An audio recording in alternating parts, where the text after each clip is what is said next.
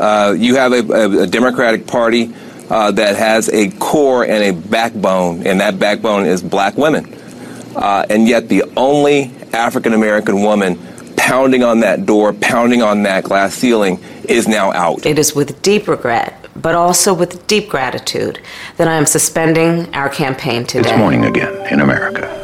I want to say one thing. I make this for me. the networks give a few hours ago, Mr. this Speaker, campaign came to an end. President of the United States. I, Donald John Trump, will not make age an issue of this Senator, you're no Jack Kennedy. You're likable. I dream about Biden. Okay. Keep America great.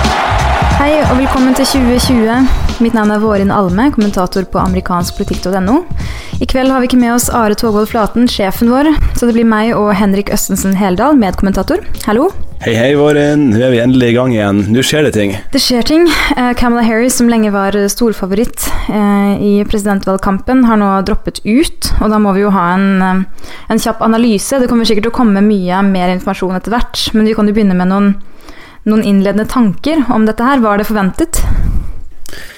Ja, faktisk. Jeg, jeg, har jo lenge hatt den tanken at ok, hva slags kandidater er det ikke som ligger i toppsjiktet, men som fortsatt eksisterer, og fortsatt har en mulig sjanse. og da var Harris var sånn, er hun akkurat med eller er hun akkurat ikke med på denne lista. Mm. Og Den store nyheten da er jo fallet hennes. fordi at i, På sensommeren så var jo hun den store kandidaten etter en kjempegod debatt. Nå har hun falt helt ned. Og det har vært mye dårlige eh, saker om hun i media om at valgkampen hennes har vært en totalkatastrofe de den siste tida. Mm. Men allikevel, altså såpass tidlig også, og hun var jo, som du sier, storfavoritt på et punkt, men hun var jo også en som lenge før valgkampen var i gang, var et navn man, eh, man tenkte at eh, kom til å gjøre seg gjeldende. Um, og, og, det var jo ikke overraskende at hun meldte seg på til akkurat denne valgkampen. Men tror du det har hatt noe å si? Altså den forventningspresset, rett og slett?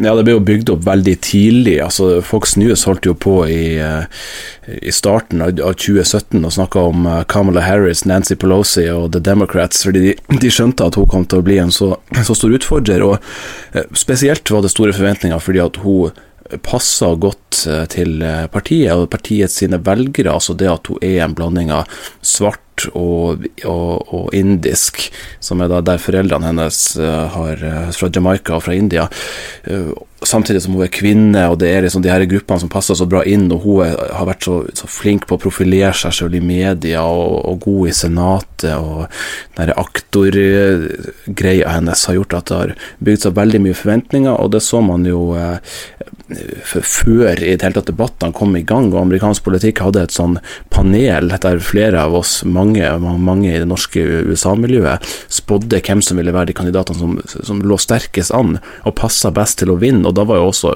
Harry spådd som en av de som var en av, en av favorittene ganske tidlig. Mm. Jeg tenker jo at det naturlig har um, betydning da, for for hva slags valgkamp man kjører.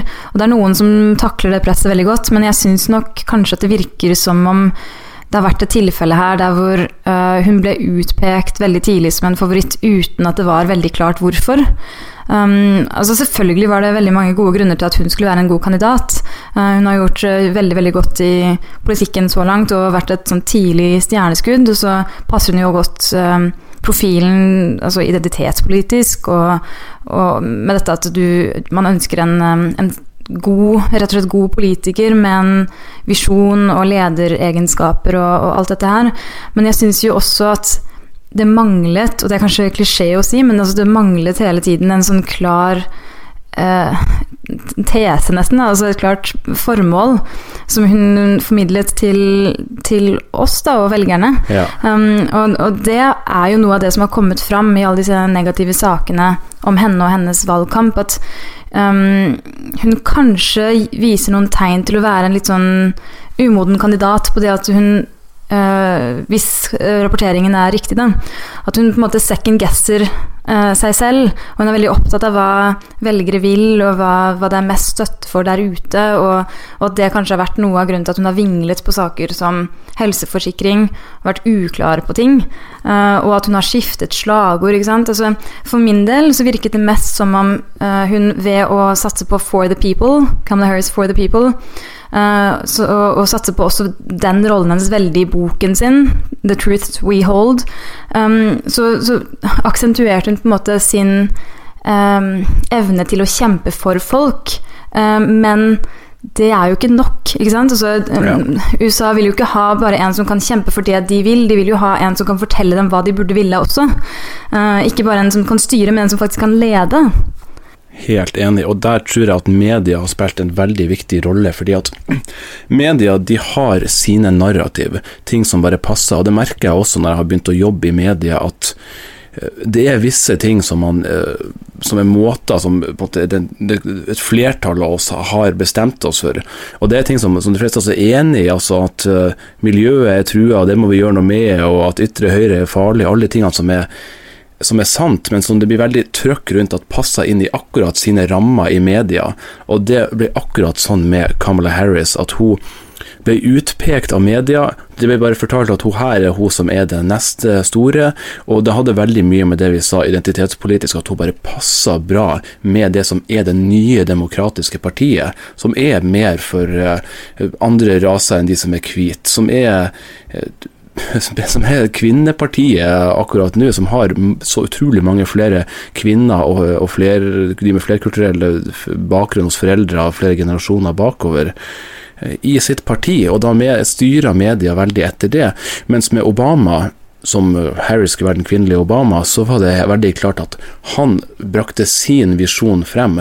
Partiet så det, ga han den talen, den talespotten talespotten på et, god, et godt TV-tidspunkt på landsmøtet i 2004, og hans visjon vant frem, og media da ga, det, ga hans visjon en plattform. Her var det feil vei. Det kom i feil rekkefølge. Det var akkurat det du var inne på i stad, at hun ble henta frem før det egentlig var noe grunn til det. Og det tror jeg også, hvis man hadde gått tilbake eh, tidligere i, i, valgkampen, hvis noen meningsmålinger hadde spurt uh, hva er poenget med Kamala Harris, hva er hennes uh, greie, så tror jeg veldig få da hadde muligheten til å svare på det. Og når hun da klarte å definere seg sjøl så skarpt i den ene debatten, øyeblikket mot Joe Biden, og så gikk bort fra det etterpå, så var det ingen velgere som helt skjønte hva som var poenget med Kamala Harris, annet enn at hun var svart, og hun var uh, sterk kvinne som vi skal heie på. Og da tror jeg folk falt ut. Mm. Og nettopp det, da. ikke sant? Så det er jo veldig mange av tingene hun var inne på i sin valgkamp som kunne vært skikkelig vinnersaker. Som kunne fått henne opp og fram. Men det var den der veldig vinglingen hele tiden og mangelen på oppfølging. Og jeg syns jo de debattøyeblikkene, både det mot Joe Biden, men også det, det siste vi så mot Tulsi Gabbard, altså, som både i debatten og etterpå vitner om en sånn slags veldig sånn øh, mangel på strategi. da, sånn, Hvorfor gjorde dere det? Hva var det hun gjorde, hva var det hun gjorde for ja, de som ikke husker det? Var, ja, altså Først så gikk hun jo da ut mot, uh, i den første debatten mot Joe Biden og, og sa rett og slett uh, Jeg tror ikke du er rasist, men uh, du sto for en politikk som sånn og sånn, ikke sant, som bidro til diskriminering osv. Og, så og spesifikt så tok hun opp da bussing. Ja, for å, så bussing av, av, skolebarn for å integrere skolene i, i større byer. And I'm going to now direct this at Vice President Biden. Um, I do not believe you are a racist. And I agree with you you to the of uh, Og mot da siste Tulsi Gabbard så tok hun jo opp uh, altså et, et, veldig sånn skarpt angrep plutselig mot Tulsi Gabbard. Uh, og så fikk hun muligheten av Rachel Maddow til å svare da Gabbard svarte selv, og så var det ingenting. Det var en, bare en sånn generisk sånn 'look, I advocate for the people'-type svar. Så det også vitner om en sånn slags uh, sånn, Det er mange gode ideer. vi må jo komme oss videre fra på en måte brainstorming-fasen ja. her. Altså Dere må jo ha en strategi som dere lanserer. Og jeg syns hun har gjort mye fint gjennom kampanjen. Hun har, altså, jeg tenkte jo da jeg så de første debattene Fy søren, så god hun er. Uh, så det er jo sånn sett en slags sånn veldig bortkasta talent og bortkast Altså i det hele tatt, da. Veldig sånn synd. Eh, men jeg syns nok at hun kanskje eh, Det er jo mange helt sikkert som har kastet seg inn i denne valgkampen kanskje før de hadde tenkt, pga. Trump og pga. at han virker som en veldig slagbar kandidat. Um, og så, så, kommer det noen følgefeil, da. Um, men f.eks. hadde hun en, veldig god periode da hun fokuserte mye på utdanning. Hun snakket om lærere og og hadde, virket som hun hadde veldig kål på um, en god politikk på utdanning. Da. Uh, og så gikk hun bort fra det igjen. Så det, var en sånn der, det har vært en rød tråd at hun hele tiden slipper ja, den ballen hun holder på. Ja, hun har hatt så mange rare Hun hadde, hun hadde det her med at uh, hun bare for rundt, og, og, det var så viktig at, uh, at Twitter kasta Trump av sin ja. plattform fordi at han, var, han hadde brutt med deres retningslinjer, som er sånn totalt sånn Det er sånn når Trump holdt på med det her uh, nasjonalsangen og NFL, det er sånne snowflake-greier som folk skjønner er uinteressant. og så gikk hun tilbake og slutta å prate om det. Hun hadde det her med, med reparations for svarte svarte, altså tilbakebetalinga i en eller annen form for slaveri og Jim Crow og alt det her. Snakka mye om det en periode, så slutta hun å snakke om det. Hun hadde det her eh, bussing-greia, og plutselig etterpå så fant vi ut at ja, men akkurat nå så har jo hun samme politikk som Joe Biden på det punktet, så hva var egentlig kritikken? Jo, kritikken var for å dytte han ned og skyve seg sjøl opp på meningsmålingene. Og så sier hun da at ja, men hvis jeg hadde vært senator på samme tid som Biden, men det, det er helt irrelevant. Sammen med helsepolitikk. Hun var i Medicare for all-campen. Så tenkte hun selvfølgelig at ok, hvis jeg vinner nominasjonen, så vil det her være en posisjon som er for vanskelig å forsvare, så da må jeg ta den et hakk tilbake. Men det var jo altfor tidlig å gjøre det, for da så jeg bare folk at hun tok en uh, John Kerry eller en Mitt Romney og ikke sto for det hun hadde sagt. Liksom, Særlig med unnskyldningen 'jeg hørte ikke spørsmålet'. Ah, kom, altså, det, det, det, blir liksom litt sånn Det blir sånn, men, det blir sånn Prince Edward, det kan hete. Nei, jeg husker ikke det. Det er ikke sånn jeg husker det. Alle ja, ser og, igjennom sånne enkle svar. Ja. Og så eh, tenker jeg jo også da at um, en av de liksom, virkelige målene på en veldig sterk kandidat, det er jo de som klarer å snu ting som tilsynelatende er svakheter ved seg selv, til styrker. Yes. Og selvfølgelig gjøre det samme med, med motparten. Uh, og, og Kamala Harris fokuserte mye på at hun har vært aktor, og at hun har vært sterk og uh, en forkjemper for folk. Uh, litt det samme som um, Gud, hva heter hun? Um, Chris Christie gjorde ikke sant, i 2016. Og hun skulle være justice-kandidaten. Hun skulle være den som kjører saken mot Trump. Fint, men da må du også være villig til å stå inne for din historikk. Uh, og det virket som hun på en måte gikk litt altså, feiget litt ut da, kanskje på det punktet. Ja, hun, hun ikke liksom, var villig til å stå for det. Ja, uh, Istedenfor å ha en plan på hvordan hun skulle kontre dette her, og snu det, til at dette ble en styrke for seg selv. Her er jo der det store øyeblikket som jeg blir å huske, bortsett fra bussing, som er debattøyeblikket med Tulsi Gabbard. Når det da var angrep på, på Tulsi, og Tulsi det var en debatt med, med, Harris, og Tulsi ble invitert inn i den eh, debatten, og hun da rett og slett reiv i stykker Kamala Harris på det hun hadde gjort med å, med å holde igjen eh, bevismateriale som vært, kunne vært frigjørende for, eh, for tusenvis av fanger. She put over 1,500 people in jail for marijuana violations and then laughed about it when she was asked if she ever smoked marijuana. She blocked evidence. She blocked evidence that would have freed an innocent man from death row until the courts forced her to do so. She kept people in prison beyond their sentences to use them as cheap labor for the state of California. And she fought Joe Biden hadde øyeblikket sitt med Google, Kamala Harris og så et eller annet x antall prisoners, ikke sant? og så ble bare det en greie.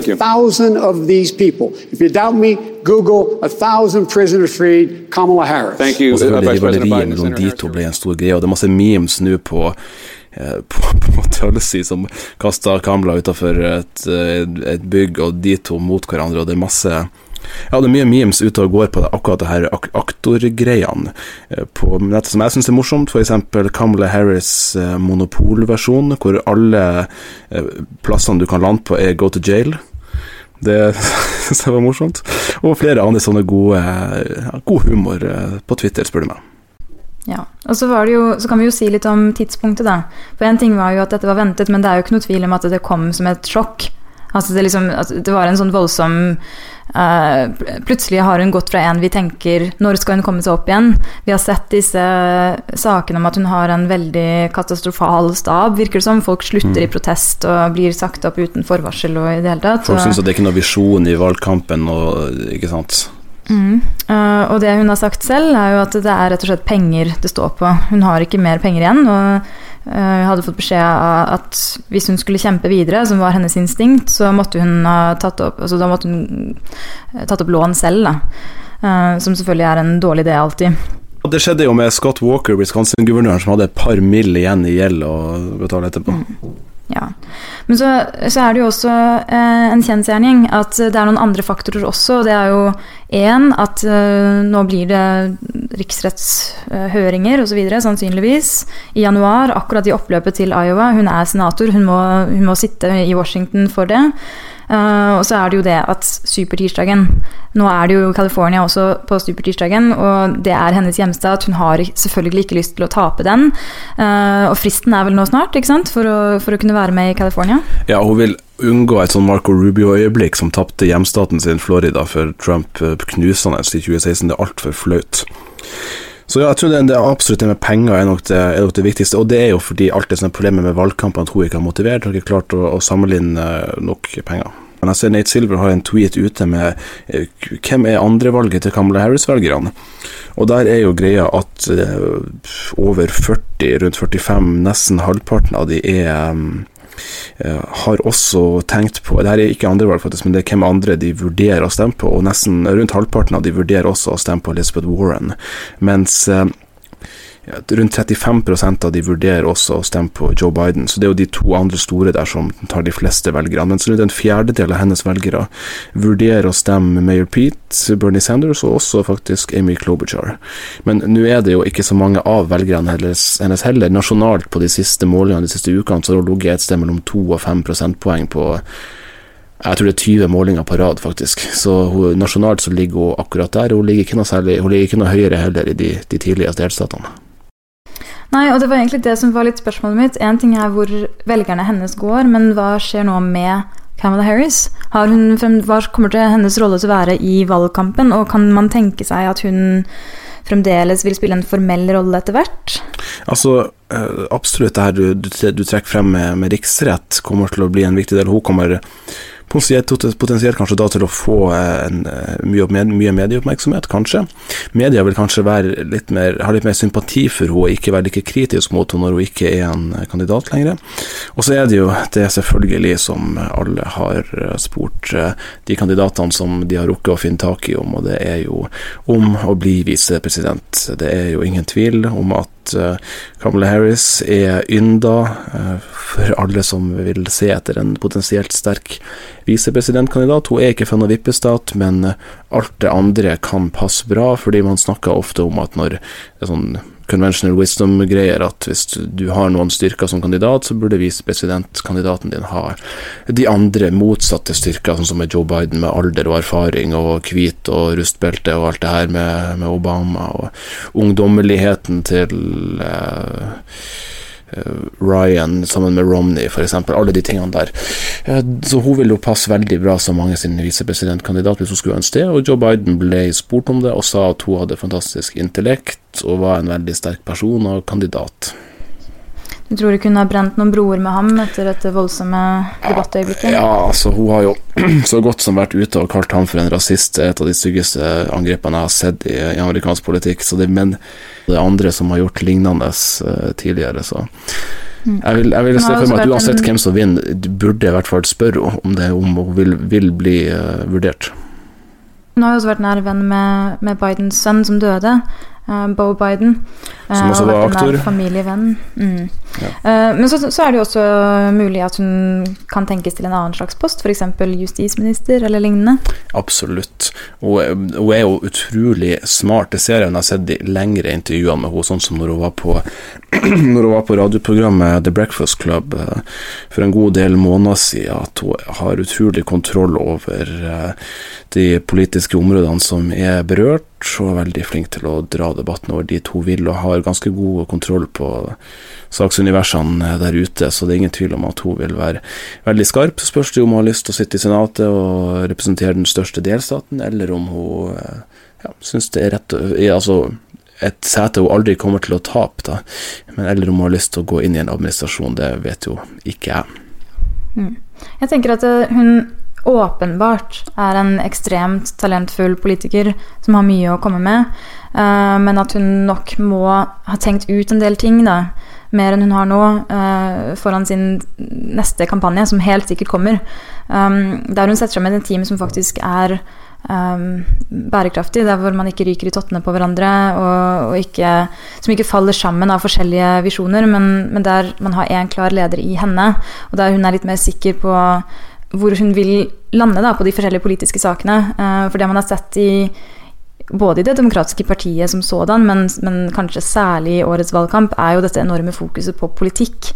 Altså, det er mye politikk. Det er mye nitty-gritty helsepolitikk og våpenpolitikk og i det hele tatt. Så, og hun, selvsagt kan hun disse tingene, men hun må være en ekstremt klar stemme som viser sin posisjonering i det feltet, og det har hun kanskje ikke klart. Nei, nå eh, har han Are sluppet oss løs her til å gjøre hva vi vil, men eh, jeg registrerte at han hadde lyst til at vi også skulle snakke om eh, det som nå har hatt en hashtag som har bare blitt slengt på alle tweets om kandidater som har trukket seg, og det er jo winnowing, altså at det blir færre kandidater. Det, jo, det, er, jo andre, det er jo andre som har kastet inn håndkleet siste også. Ja, du hadde jo Steve Bullock. Uh, du har hatt uh, Du kan egentlig nevne Nå var det ja. 18, da er det vel 16 igjen? Det er noe sånn, ja. Steve Bullock, altså Montana-guvernøren, nevnt i den første av de tre IO-episodene uh, fra i sommer, som også slo meg som veldig smart, og som hadde god kontroll på, på det meste. Litt mer moderat, hadde altså vært guvernør i Montana, en rød delstat, og fått ting gjort og flink å snakke og god å holde en tale og morsom å høre på. Han hoppa inn altfor seint, så han hadde rett og slett ikke, ikke sjans, men noen tiår tidligere i et annet medieunivers, så tror jeg han hadde, han hadde, gjort det bra. En annen er jo eh, Admiral Joe, Joe eh, Sestek, eh, som ble en liten eh, favoritt, en liten yndling av meg og Are, som da eh, var på vei Vi hørte han i bakgrunnen i Iowa, så gikk vi for å, å liksom høre herre, oh, det er Joe Sestek, og så begynte vi å flire litt mellom oss ja, og gjøre litt narr av Joe Sestek. Og så var det slutten av talen, og hadde på sånn, sånn her grusom skjorte, verste skjorte jeg noen gang har sett. Og så var det litt sånn, ja, litt sånn, ja, litt gøy å høre på. Litt sånn han har så lite støtte at det var nesten litt sjarmerende, og så var det bare å se de to, de to guttene som, eh, som, føl, som fulgte etter han som eh, altså sånn mest, han Are har et bilde av han valgkampsjefen, som er altså den mest slitne typen i, sånn, med sånn åttedagersskjegg og og skinnjakke som bare står alene og ser i bakken og tar seg en røyk.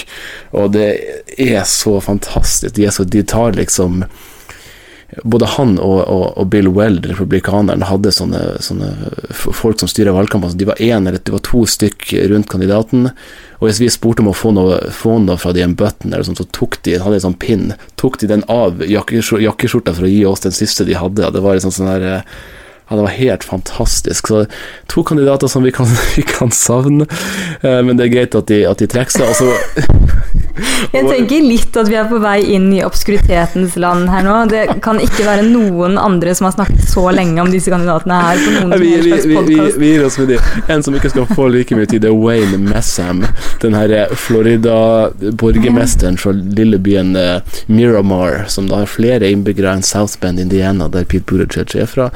Uh, vår mann Jon Henrik Gilhus, valgeksperten til amerikansk politikk, har jo sagt at han har skaffa seg et navn nå, så han kan jo fort stille til et sete i Representantenes hus til neste år, for der er det en liten åpning der han er ifra, så det er kanskje det som han skal gjort. Men uansett, fire færre kandidater nå på veldig kort tid, og Våren, er ikke det like greit?